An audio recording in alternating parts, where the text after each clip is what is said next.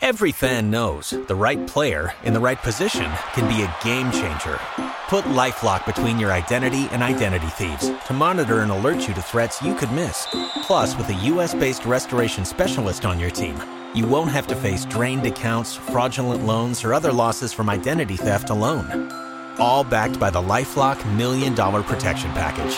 Change the game on identity theft. Save up to 25% your first year at LifeLock.com slash aware.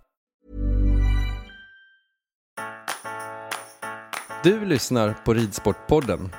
En ny podcast från tidningen Ridsport. I den här podden träffar vi ryttarna som du vill lära känna på djupet. Värd för programmet är hästsportsjournalisten Andrea Berlin. Redan som 19-åring bestämde sig Ludvig Svennerstål för att rida OS. Några år senare var han där. Ridsportspodden träffade honom på hans sommarvisit i Sverige. Då fick vi höra hur han förvandlades från en storstadskille till en elitryttare hos Mark Todd på den engelska landsbygden.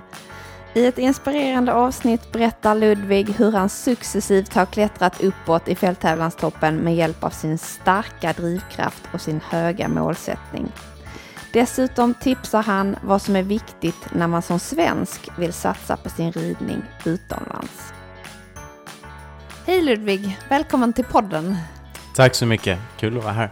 Du är ju just nu och gästar Sverige i samband med Falsterbo Horse Show. Hur känns det? Det är lite blandat. Jag hade gärna varit här och ridit, men nu är det lite semester och träffa lite kompisar och sådär. Så, men det är, rätt, det är rätt trevligt, även om det kliar lite i fingrarna. Det gör det? Ja, absolut. Nej, men det, alltså det hade varit väldigt kul att vara med igår i Huntingen och sådär. Så att, um, ja, men det kliar lite, det gör Ja. Till vardags bor du i England. Får du eh, hemlängtan när du är så här på hemmaplan? Ja, lite. Det kommer och går lite. Ibland, ibland saknar jag verkligen Sverige. Ibland så tycker jag det är rätt trevligt att vara i England. Så det, det kommer och går. Men det är klart, när man är här och sådär så känns det som att det vore i alla fall väldigt kul att, att tävla i Sverige. Är Falsterbo ett typiskt ställe eh, där du åker när du åker hem? Eller vad krävs för att du ska lämna England egentligen? Um, Ja, det är väl... Nu var det ganska länge sedan jag var i Falsterbo. Det var, det var ett par år sedan. Men um, det är väldigt kul tycker jag med Falsterbo. Det är bra tävlingar och det är alltid kul att kolla lite och sådär. Um, men annars så är det nästan alltid ifall vi har någon möte så eller träffar lite kompisar. Men jag försöker komma hem i, även om det inte blir så ofta. Mm. Men du kommer från eh, Stockholm från början. Och är det en hästfamilj eller? Nej, ja, lite kan man väl säga. Med, mm, vi, jag växte upp inne i Stockholm mm. eh, samtidigt som mina föräldrar eh, red. Så de, vi hade ju ett intresse, ridintresse i familjen. Men eh, sen vet jag inte om jag skulle vilja kalla oss den typiska hästfamiljen. Men eh, båda, både min pappa och mamma red och hade varsin häst. Lite hästfamilj kanske var. Mm. Men ni bodde i centrala Stockholm? Ja. Och hade hästar ute på på landsbygden. Så, ja, så vi, ja, så när vi bodde inne i, inne i stan och eh, där hade hästarna ungefär en timme, ut, ja, 45 minuter utanför i Upplands Väsby. Um, så att eh, det var bara att pendla ut till hästen varje dag nästan. Mm. Och dina föräldrar, är de på hobbynivå eller? Ja, det får man väl säga. Jag vet inte hur det tas, men jo, men det gjorde de. De, de red eh, liksom på hobbynivå, men hade väldigt kul och det var väl mest fälttävlan, men lite hoppning och lite dressyr och sådär. Men det var, det var, det var ganska hobby. Mm. De senaste åren har du haft väldigt fina framgångar och du har klättrat snabbt upp i fälttävlanstoppen. Ehm, det är ju många som liksom undrar hur du egentligen har tagit dig dit. Eh, och hur började det med hästar? Ja, det, det är en lång resa, men eh, det började, väl, det började nog faktiskt här i, eh, i Falsterbo. För mina föräldrar, när vi var små, så hängde vi ganska mycket, ofta med ut stallet, men eh, jag, tyck, jag hatade stallet. Alltså, det var verkligen så här, de var tvungna att dra med mig och min lilla syster ut stallet, för det var verkligen någonting vi inte tyckte om. Eh, men sen så var det, de var oftast nere i Skåne lite och tränade lite för Tobias Grönberg. Och eh, så var de i Falsterbo och avslutade det med att vara här och kolla en vecka. Och eh, det var väl efter det som jag blev när var året jag fyllde sju som jag verkligen blev inspirerad och kom hem och nu, nu vill jag börja rida mamma. Och mina föräldrar sa nej, nej det ska du inte göra Ludvig, du tycker inte om hästar och du är rädd för hästar och sådär. Så, nej men jag vill, börja, jag vill börja rida så jag fick, jag fick börja rida på ridskola. Um, och ganska eh, med blandade framgångar kan man säga. Det var mest att jag, jag fick stå i mitten och var livrädd för, för att göra någonting. Men min, jag tyckte väldigt mycket om att rida följa John i, på ridskolan. Det var väl liksom mitt, det är mitt S kan man väl säga. Men sen så, um, min syster däremot var väldigt duktig och modig och sådär. Så att hon fick en ponny som vi fick dela lite. Och um, med den här ponnyn som vi lånade så, blev, uh, så växte modet lite i alla fall, även om det blev väldigt många avramlingar i svängar och sådär. Så, um, så blev det lite bättre och sen så var det först, det var väl, ja men det var först när jag fyllde 12 som då hade vi köpt en, en B-ponny och den hade skadat sig som och jag hade blivit rätt stor som mamma lät mig rida hennes häst ganska mycket. Och mm. eh, då fick jag väl verkligen så här, då blev jag verkligen hästbiten och blev lite mer intresserad och, och så. Så att ehm, då kom jag in och red lite mer och lite mer seriöst kanske, även om det fortfarande var väldigt oseriöst. Um, och jag red min första riktiga fälttävlan med den här hästen. Kommer jag ihåg, jag, kommer inte, jag måste varit 13, 14 och, och, det gick så himla dåligt i, eh, kommer jag ihåg. Och det var, så jag var, hade, från det så bestämde jag mig att jag ska göra en till tävling, men det måste gå bra. Jag, jag kan liksom inte okay. avsluta med att vara sist. Typ. Så att eh, det var här var sista tävlingen på hösten. Så, så åkte vi ner till Falkenberg och tränade lite med de andra från Stora Väsby där vi hade hästen uppstallade. Och, eh, och så red jag då Gärds som var så här på tidig vår. Och jo men det gick lite bättre och efter det så fortsatte jag och sen så, sen så växte bara fälttävlansintresset och eh, jag är fortfarande helt fast i det. Mm. Var det kompisar som du hade som, som gillar hästar? Eller för annars brukar det vara mest tjejer som hänger i stallet. Hur var det?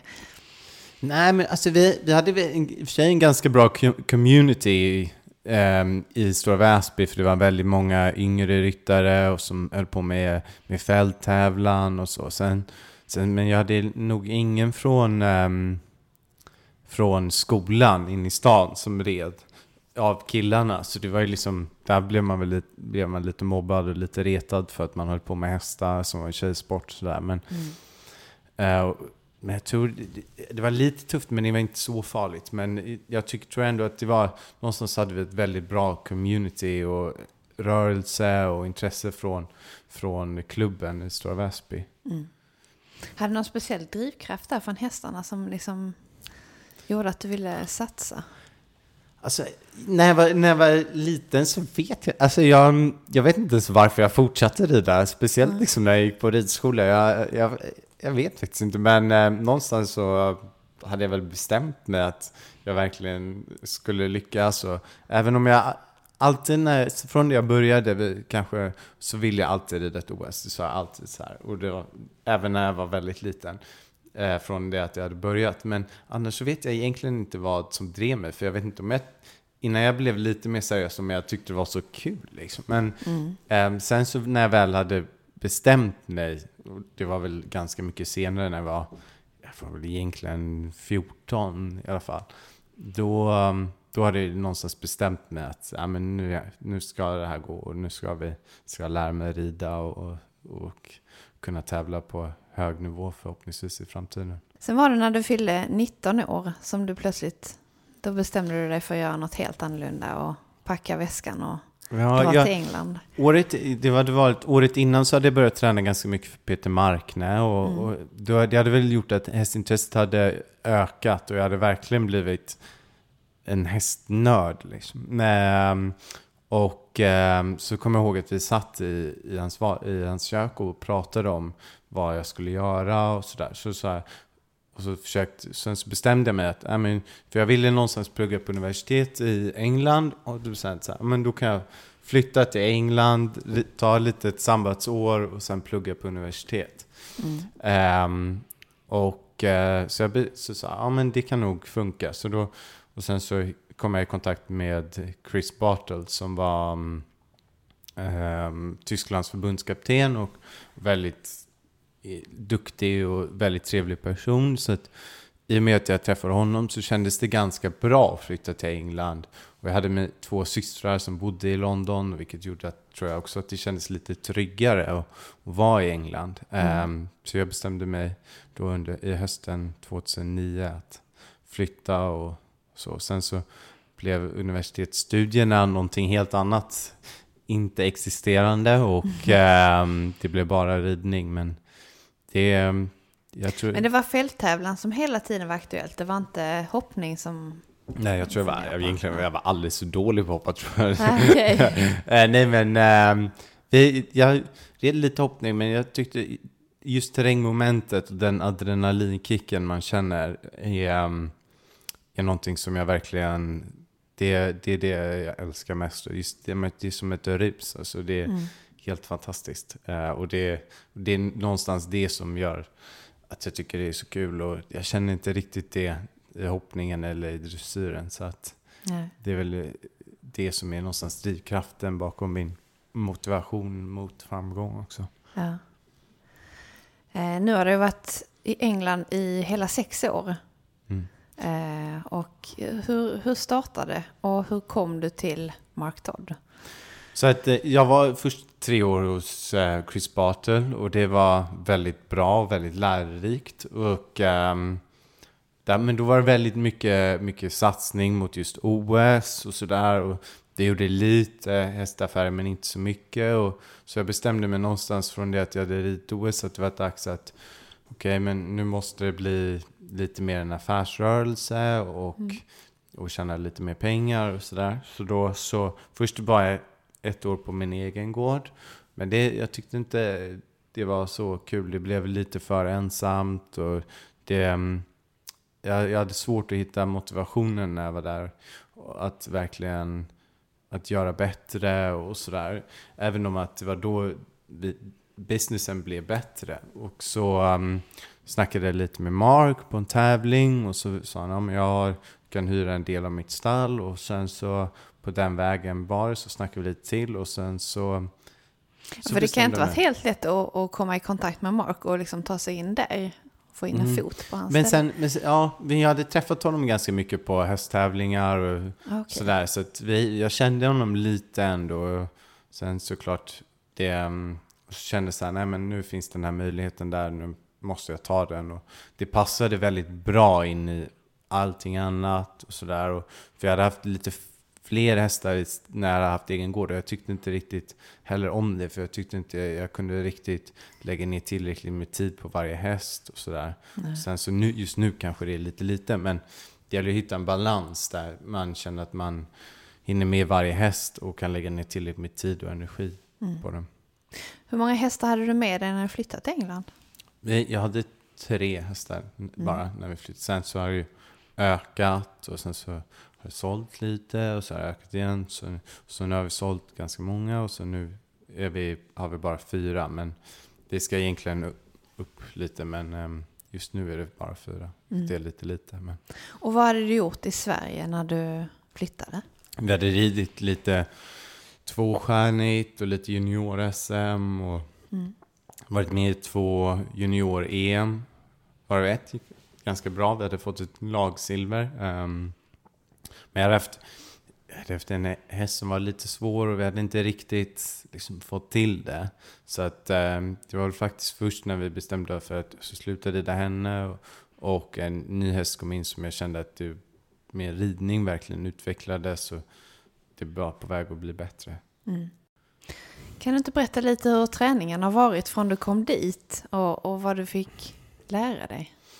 Det var så någonstans hade jag fått, tror jag, ganska, eller jag hade fått väldigt bra träning i Sverige. Men det som jag tror var, det som jag inte liksom hade lyckats med hade varit att få ihop det i alla tre discipliner. Jag tittade så ut en helhet i hur jag utbildar en häst och hur jag rider en häst och sådär.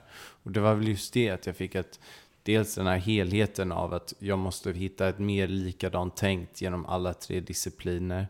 Och men sen var det framförallt, jag fick väldigt mycket terrängträning, hur, hur man rider terrängen och för det, speciellt bara med Chris liksom att det måste finnas ett system och hur du tänker och din position framförallt. och så. Och um, det var väl det jag egentligen fick mest hjälp med. Uh, och sen att hur, hur, man ska vara mot sin häst och, hur, och så. Mm. Du berättade här innan att hästhållningen är lite annorlunda mot Sverige.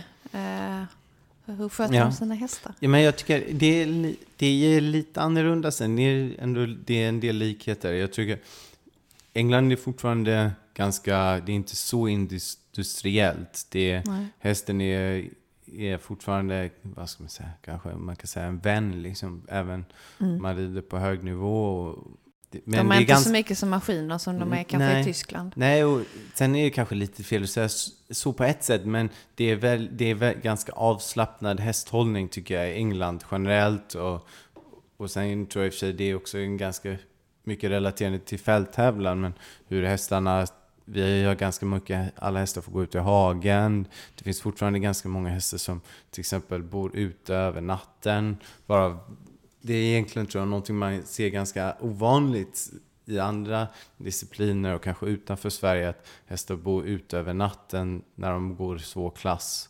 För att det, man anser att det är bra för dem och mm. bra för deras mentalitet. Mm. Hur, hur har träningen förändrat dig? Rent eh, både personligt och i ridningen? Jag tror jag blivit... Jag, var, jag, hade, jag tror jag har fått väldigt mycket mer tålamod. Mm. Och blivit väldigt mycket lugnare. Jag, okay. var, jag var ganska um, övertaggad förut och um, inget tålamod. Alltså, nu är jag, tror jag mycket lugnare och jag låter någonstans det komma istället för att det måste hända nu och, och sådär. Så att jag, det är någonstans jag har fått lära mig att man måste vara lugn och harmonisk och det, måste, det tar tid eh, innan man verkligen ser de riktigt bra resultaten. Mm. Är det för att det är någon speciell skillnad mellan träningen typ här i Sverige och England eller vad beror det på? Nej, det tror jag egentligen inte. Det handlar nog mer om mig som mognande som person tror jag. Okay. Alltså att mm. jag var lite omogen som, som tonåring och har fått lära mig att det är inte så man ska, ska vara utan man måste ha tålamod och, och lugn och hästen är ens, är ens vän. Mm. Hur är Mark Todd som arbetsgivare? Alltså, jag menar, han är ju inte riktigt min arbetsgivare, men han, um, vi är ju, han är mer som en mentor. Mm. Och uh, nej, jag tycker han är helt fantastisk faktiskt. Han är väldigt generös med sin hjälp och, och råd och är väldigt engagerad um, i, i oss som är där på gården. Och uh, han är väldigt mån om att det ska gå bra. Och uh, jag tycker han är, han är en fantastisk person på det sättet. Mm. Och tar sig verkligen tiden, även om man själv har väldigt mycket att göra, att, att om man har problem eller behöver hjälp och sådär. Så att, um, nej, jag tycker väldigt mycket om, om honom och få vara, få vara där och få, få hans hjälp. Mm. Så ert samarbete är, man kan säga att det är delat, att ni, du jobbar med, med ditt på hans anläggning så att ja, säga? det är så Jo, men det är så. Som man är liksom, har fortfarande sin egen verksamhet, men jag får, tycker jag får fortfarande väldigt mycket bra hjälp och mycket bra vägledning. Mm. Är det någonting som skiljer sig i hans träning jämfört med någon annans, tycker du? Um, det är klart, det är alltid saker som skiljer sig, men jag tycker det som är med Mark som är att liksom, han är väldigt mjuk. Han mm. är så himla mjuk i sina hjälper och och så han rider och han är alltid väldigt lugn och han är väldigt horseman, väldigt mån om hästen och så. Det, det, ehm, det är verkligen någonting som, som är någonting tror jag som är hans signum och, och som gör att han verkligen får hästen att, att göra bra ifrån sig när det gäller. Mm. Hade du någon speciell dröm eller ambition när du reste iväg till England? att vinna OS-guld. Men egentligen var det väl, egentligen så kan det vara nog mer att vara med i OS. Okay. Och, och, ta sig till final, det kommer jag ihåg var alltid det.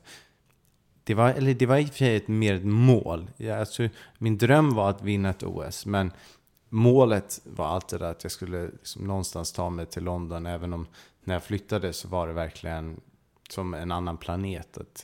Det var så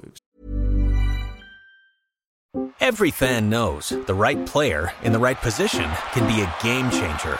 Put LifeLock between your identity and identity thieves to monitor and alert you to threats you could miss. Plus, with a US-based restoration specialist on your team, you won't have to face drained accounts, fraudulent loans, or other losses from identity theft alone. All backed by the LifeLock Million Dollar Protection Package. Change the game on identity theft. Save up to 25% your first year at LifeLock.com slash aware. kändes som nästan till omöjligt. Men det var verkligen ett mål och sen så är drömmen är verkligen att vinna ett OS-guld. Mm. För det måste ha varit en rätt så stor kontrast att flytta från Stockholms innerstad ut på landsbygden i England. Det är en väldigt stor kontrast Ja. kan jag säga. Um, det var ju när jag flyttade också. Nu, nu bor vi lite mer centralt så nu är det lite mer happening. Men då bodde vi verkligen i, i norra England och det var, det var tre, tre år där det blev... Det fanns inte så mycket annat att tänka på än på hästar. På ett sätt så var det positivt men det var verkligen hästar i ens liv och det fanns inte att gå ut och gå och festa eller sådär, det, liksom, det kändes som en, nästan en omöjlighet. Utan Ja. det var, det var en, bara fundera på hästar och um, någonstans tror jag det var väldigt nyttigt för att man, jag fick tänka väldigt mycket och tänkte väldigt mycket på och reflekterade hela tiden i hur jag rider min häst, hur kan man bli bättre, om jag gör det här annorlunda. Så att det blev väldigt mycket tankar kring hä- hästen bara för att det fanns inte så mycket annat att distrahera mig med. Men ehm, det, var, det blev en väldigt stor kontrast. Jag kan tänka mig att du hade inte som mål att stanna i sex år när du kom dit från början. Eh, eller? Nej, jag, jag, jag var rätt säker på att jag skulle vara tillbaka i, ehm, i Sverige vid det här laget faktiskt. Men Ja. det känns, alltså jag verkligen gillar England och ehm, just nu känns det längre, jag har aldrig känt mig så hemma i England och jag känner att att flytta hem till Sverige är verkligen långt bort ehm, faktiskt. Det, jag var sugen för att flytta tillbaka ett tag men just nu känns det nästan, det skulle förvåna mig väldigt mycket om jag flyttar hem inom snar framtid. Sen om ett par år kanske det ser annorlunda ut men just nu så verkligen stortrivs jag i England. Mm. Är det för att det är bra tävlingar eller vad är det som drar dig dit? Det är väldigt mycket, men jag tycker att det är väldigt, dels är det väldigt kul, det är väldigt det är bra tävlingar, det är väldigt mycket roliga människor, det, det är också mycket människor som är väldigt intresserade och involverade i fälttävlan. Och, ehm, det är också, sen tycker jag väldigt mycket om den engelska kulturen, hur människor är som personer och sådär. Ehm, så att, eh, nej, jag trivs verkligen i England och jag tror att jag kommer stanna ganska länge faktiskt. Det var ju i Malmö, EM 2003, som du fick där genombrottet. Eh, Hur har det sett ut efter det? Det har bara stegrats uppåt eller hur, hur har vägen sett ut? Jo, men jag tycker det, vi, har haft, vi har haft ganska bra. Det, 2013 blev ett väldigt bra år. Ehm, sen, så hade, sen så början på 2014 var helt okej. Och sen så har vi haft nu lite, vad ska man säga, VM var en väldigt stor besvikelse. Um, med och med att Alexander var skadad och den andra hästen var inte riktigt i ordning. Så det var, det var, det var väldigt tungt faktiskt. Och sen i år så har jag faktiskt, jag måste säga att jag varit väldigt nöjd med min ridning i år. Mm, Jag tycker jag har ridit väldigt bra, jag har förberett hästarna bra. Sen tycker jag att jag inte alls lyckats få det resultatet jag velat ha. Ehm, så att ehm, det, ehm, jag får fått fundera lite nu för vi hade två stora tävlingar nu i vår och um, tyckte jag red väldigt bra men resultatet var inte riktigt så bra som jag ville eller hade hoppats. Ehm, så att um, fått fundera lite till men det känns någonstans också som att nu har vi gjort väldigt bra förberedelse och vi ser fram emot, fram emot höstsäsongen där förhoppningsvis det kommer ge mer utdelning. Mm. Du har ju OS nästa år som mål. Eh, hur ser tankarna ut för att förbereda inför det så att säga? Men jag tycker det, samtidigt så har förberedelsen gått väldigt bra, även om jag känner att, jag menar, vi, nu har vi två hästar kvalade och ehm, det är väldigt bra och det är skönt att det är gjort någonstans. För det är alltid, det är, det är egentligen inte ett orosmoment och det är egentligen ganska enkelt att kvala, men det är samtidigt viktigt att det blir gjort och man får det avklarat och det är skönt att ha gjort det tidigt. Ehm, sen ehm, så, um, sen så måste hästarna bli lite bättre och förhoppningsvis nu så löser säsongen så kan vi fila till dem lite och få de resultaten som vi egentligen är ute efter. Um, men det känns som vi är på god väg och jag känner att jag faktiskt någonstans, även om mina resultat i år inte har varit riktigt så bra så känner jag att jag verkligen jag har aldrig ridit så bra. Jag känner verkligen att ridningen är på topp, vilket är kul. Hästarna som du rider, eh, äger du dem själv? Ja, just nu så gör jag det. Jag, har, ibland, vi har haft några hästägare och sådär, men ehm, jag tycker det, och det är lite blandat. Det, det, det, jag menar, det, hästägare är för till exempel en väldigt positiv sak, men det är också, det gäller att man har lojala och bra hästägare som har bra hästar. Ehm, men um, vi har, jag, jag, de som jag nu äger och jag, jag har ägt ganska många själva, men och jag har valt att bygga upp någonstans mitt företag och business på att producera och utveckla hästar och sen sälja dem. Och ehm, det, det finns alltid bra och dåliga saker med det, men jag tycker att det, för mig funkar det väldigt bra och jag tycker det är väldigt kul för då, någonstans så kan man utveckla bra hästar, eller du måste utveckla bra hästar för att göra bra affärer. Och ehm, det blir en chans att man får rida mycket bra hästar och utveckla dem. Och ehm, sen såklart är det tråkigt när en häst säljs, men någonstans så tycker jag att det positiva övervinner det negativa. Och- Men du har varit involverad där i hästförsäljningen och tagit de här besluten att de ska säljas och, och så? Ja, det, Ja. men det är ju alltid en avvägning att hur- när man ska sälja, om det är vid rätt tidpunkt eller det vore kul kanske att ha ett år till men Mm. Det är någonstans så tycker jag ändå de flesta hästarna har någonstans har min filosofi varit att försöka rida kanske ett mästerskap på dem och så, så man får ha lite kul med dem och få lite bra resultat för att sedan säljas. Ehm, och det tycker jag är någonting som vi faktiskt har lyckats väldigt bra med och, och haft bra hästförsäljningar från. Har det varit ett måste att sälja hästar under vägen för att få ihop business eller? Ja, det, det är ju så det är. Om jag, om jag inte hade behövt så hade jag faktiskt behållit dem för jag tycker vi har haft väldigt bra hästar. Ehm, Mm. Men det, det är så vi har valt att bygga upp mitt företag och, och ehm, det är så, ehm, så vi får det att fungera. Sen förhoppningsvis kanske i framtiden vi, vi har li- lite mer kanske sponsorer eller någon hästägare och då kanske man kan behålla hästen lite längre. Men samtidigt så tycker jag att vi har haft väldigt kul med de hästarna vi har haft och producerat dem bra och, och haft bra försäljningar från det.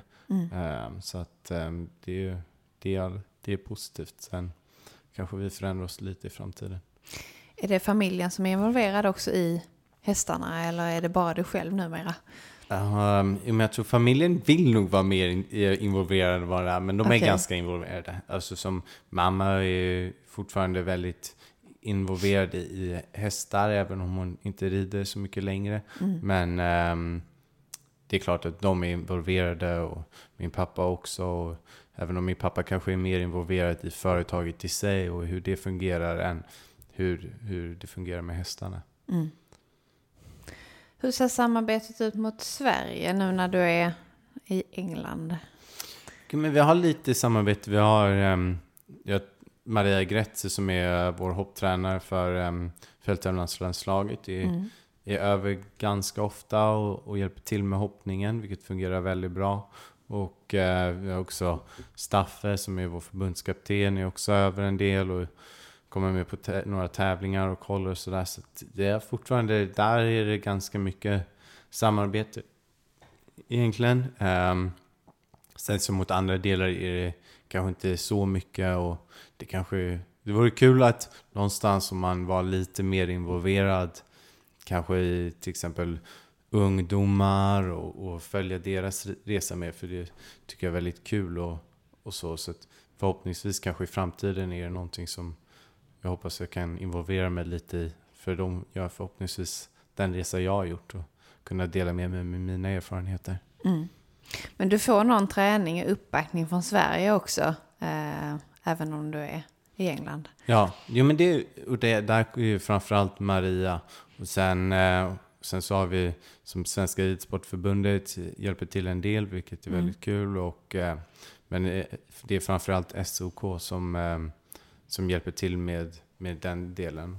Och det är väldigt uppskattat i, att vara med i deras program och få den extra hjälpen för att kunna nå, lyfta sig ytterligare en nivå. Och eh, tycker att via den hjälpen så har det känns som i år är det verkligen ett år där det har gett utdelning. Hur ska man egentligen göra för att slå sig igenom som yngre ryttare eh, om man har talang och höga ambitioner? Jag tror, någonstans tror jag det är väldigt viktigt att man flyttar hemifrån. Eh, av flera anledningar, men jag tror att det är väldigt nyttigt som person att komma, komma hemifrån och inte ha kanske just den uppbackningen av föräldrar, även om man sen kanske flyttar hem. Eh, men, eh, och där var, tror jag att det faktiskt, i fälttävlan tror jag man måste flytta utomlands. För att man måste få se Mark eh, eller William Foxbit eller Mikael Ljung rida och man måste få se dem på tävlingar. Och hur är de och hur rider de? Ehm, sen Det är så jag- pass annorlunda tycker du mot Sverige? Ja, det är ju klart. Det det finns duktiga ryttare i Sverige, men det är en, det är en annan nivå på ridning. Det är Mm. inget snack om det. Och sen, men sen tror jag man också måste få hitta en, någonstans man måste vara hos en ryttare och hitta en mentor och en tränare som gör att man kan lyfta sig till den nivån som, som det finns utomlands. Mm. Även, även om det fortfarande finns väldigt duktiga ryttare i Sverige. Är det generellt svårare att ha en utlandsbas eh, om man vill satsa när man är svensk? Det är både och tror jag. Det finns, det, det finns fördelar med att vara i Sverige och det finns fördelar med att vara med England. Men jag tror att det är för att lyfta sig till en internationell nivå i sin ridning och så, så måste man vara utomlands. Sen tror jag att man efter det att man har lyft sig till den nivån kan till exempel komma tillbaka och ha sin bas i Sverige. Men jag tror att man måste vara utomlands för att lyfta sig till den nivån. Eh, så det ser ut idag. Men sen hur man har sin bas sen, är, det, det finns väldigt mycket fördelar och nackdelar med både och faktiskt. Och, och Sverige, svensk fälttävlan tycker jag är lite på G. Det, tävlingarna blir bättre hemma och det, det, det känns som att det är verkligen, sen jag flyttade från Sverige, att det har hänt väldigt mycket i Sverige och i svensk fälttävlan och att det har verkligen lyft sig en, en nivå till och att det, det kommer mycket bra hästar och ryttare och sådär. Så att just nu är det samtidigt en väldigt spännande tid att vara i Sverige. Har du några tips som, som kan motivera ungdomar att satsa och kanske ta det där steget och flytta utomlands? Jag, jag tror någonstans det är väldigt att, viktigt att man åker till någon som verkligen är duktig. Alltså som är, jag tycker man ska åka, man ska alltid försöka bli bäst. Och att för att bli bäst då måste man åka till någon som har den kapaciteten eller är på den nivån själv. Förmodligen någon som är på den nivån själv. Och jag tycker att det är någonstans viktigare att vara hos en som verkligen är duktig. Och man kanske får ett lite sämre jobb än att åka till någon som är lite sämre men man kanske har lite bättre jobb på pappret. Sen, så, för då är det någonstans så här att eh, någonstans om man åker till den som är lite bättre, det tar lite längre tid att jobba sig upp. Men sen när man väl har jobbat sig upp och är där så tror jag man får utdelning av det. Och, och då kan man verkligen nå, nå långt och komma långt i sin ridning. Um, men sen tror jag också det är liksom att man måste vara man måste vara ödmjuk, men man måste också vara envis och man måste vara medveten att det tar tid och att det är hårt arbete och att ett år räcker inte. Man måste vara utomlands flera år och man måste för att verkligen få sin ridning befäst och förstå systemet i hur det, hur det går och sådär. Det är många, tycker jag, ibland i Sverige som åker utomlands ett år medan när de, och när de åker i slutet av det året så ser man att ja, deras ridning börjar verkligen bli bra. Men sen är den inte riktigt befäst och de åker då hem lite för tidigt. Och då får de inte riktigt utdelning av den, det de har lärt sig. Ifall de skulle ha stannat lite längre så tror jag de verkligen hade kunnat ta ett steg till. Vad tror du gör att man, man väljer att åka hem helt plötsligt? Alltså, det kan ju vara att man tycker det är att man inte trivs eller någonting sånt där. Men att man, man åker hem för tidigt. Jag, jag tror att det, är flera faktorer, men jag tror det är många som har hemlängtan och sen är det ett tufft arbete och det är klart när man flyttar hem så blir det lite enklare igen. ehm, och sådär. Jag tror att Hur ska man tänka då när man kommer i de banorna? jag tror, jag tror bara tänker på att det handlar ju, allting handlar ju om att vad vill man nå i slutet? Vad vill jag bara lära mig rida bra och ha trevligt? Ja, okej, men då kanske man inte behöver stanna i, England eller Tyskland i fem år. Men vill man verkligen nå världseliten, då är det, då är det ändå man ska tänka på att det är bara det man vaknar upp till att tänka på. Det här är mitt mål, okej, men då måste jag gå och göra det här för att nå dit. Och då är det bara att, att man är medveten om det och fokuserar på det. Att man alltid relaterar till allting man gör till det. Och eh, det är tufft, men, men sen att, tror jag att för att man klarar längden, då får man utdelning för det. De här målen som du hade med OS och så, delar du med dig av det när du åkte iväg eller du höll det för dig själv? Jag, jag tror att det är väldigt... Jag delar mer av mig själv, även om alla skrattar åt mig.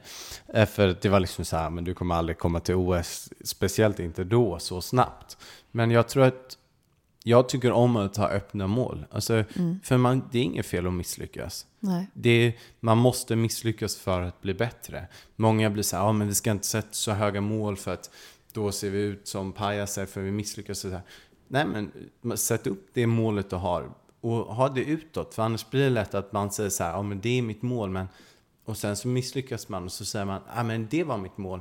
För då, då tycker man det låter bättre istället för att säga, nej men jag misslyckades. Jag, det gick inte så jag ville. Det här var inte mitt mål. Mitt mål var att vara bättre. Och det är okej att misslyckas. För då någonstans i och med det så strävar man till att bli ännu bättre och man blir ännu envisare. Och jag tror att någonstans är att det är enklare att ha ett mål som är utåt och inåt än att ha ett mål som är utåt och ett som är inåt. Och, sen, och det, är, det är inget fel att ha drömmar, det är inget fel att ha mål. Och ju högre mål och drömmar du har, desto längre kommer du nå. Så länge du kommer jobba för det. Men alltså, jag tror det är väldigt viktigt. Och jag, jag har alltid varit öppen med mina mål och mina drömmar. Och, Vad har du själv tänkt då när de andra har sagt ja men eh, det där kommer jag aldrig gå? jag ska bara visa dem. Då har du blivit ännu mer taggad. Ja, Så det- det har nästan sporrat dig ännu mer. ja absolut. Ja. Och, och det, det, det, jo, men för mig har det varit, verkligen varit så att det har verkligen sparat mig att hur folk har sagt att ah, det kommer aldrig gå. Ehm, att man någonstans tror på sig själv och det kommer gå. I, allting går om man bara vill tillräckligt mycket och vill arbeta för det. Krävs det att man har någon speciell personlighet tycker du? Nej, det tror jag inte. Alltså jag tror man måste vara, någonstans måste man vara väldigt målmedveten och i och med det vara beredd att göra vad som krävs för att nå dit.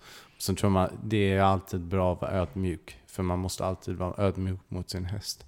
Um, men annars så tror jag att egentligen så är det bara att det finns så himla mycket olika personligheter som lyckas. Att det är inga speciella personligheter, men all, man kan väl säga att det finns alltid en målmedvetenhet bakom det. Mm. Har du några speciella nyckelord som du tycker är det här är för framgång? Men jag tycker att jag tycker man ska följa sin dröm. Jag tycker Ja. man, ska, man ska våga ha en dröm och man ska våga följa den. Och man ska, det, finns, det finns ingenting som ska kunna komma emellan en själv och sin dröm. Och drömmarna nu framöver? Härnäst, innan OS, vad är de? Det är egentligen bara en, eh, ett guld på OS som är det enda som spelar någon roll. Det är det. är, det, är, det är bara det som finns. Jag önskar stort lycka till Ludvig och det har varit eh, väldigt trevligt att ha dig här. Tack så hemskt mycket. eh, Väldigt kul att vara här. Ja. Hoppas få se dig igen i Sverige så Ja. småningom. Och kör med. Tack så Tack, mycket. tack. Hej. Hej. Vi vill jättegärna veta vem du vill att vi ska träffa nästa gång och vad vi ska prata om. Maila till oss på podden snabel tidningenridsport.se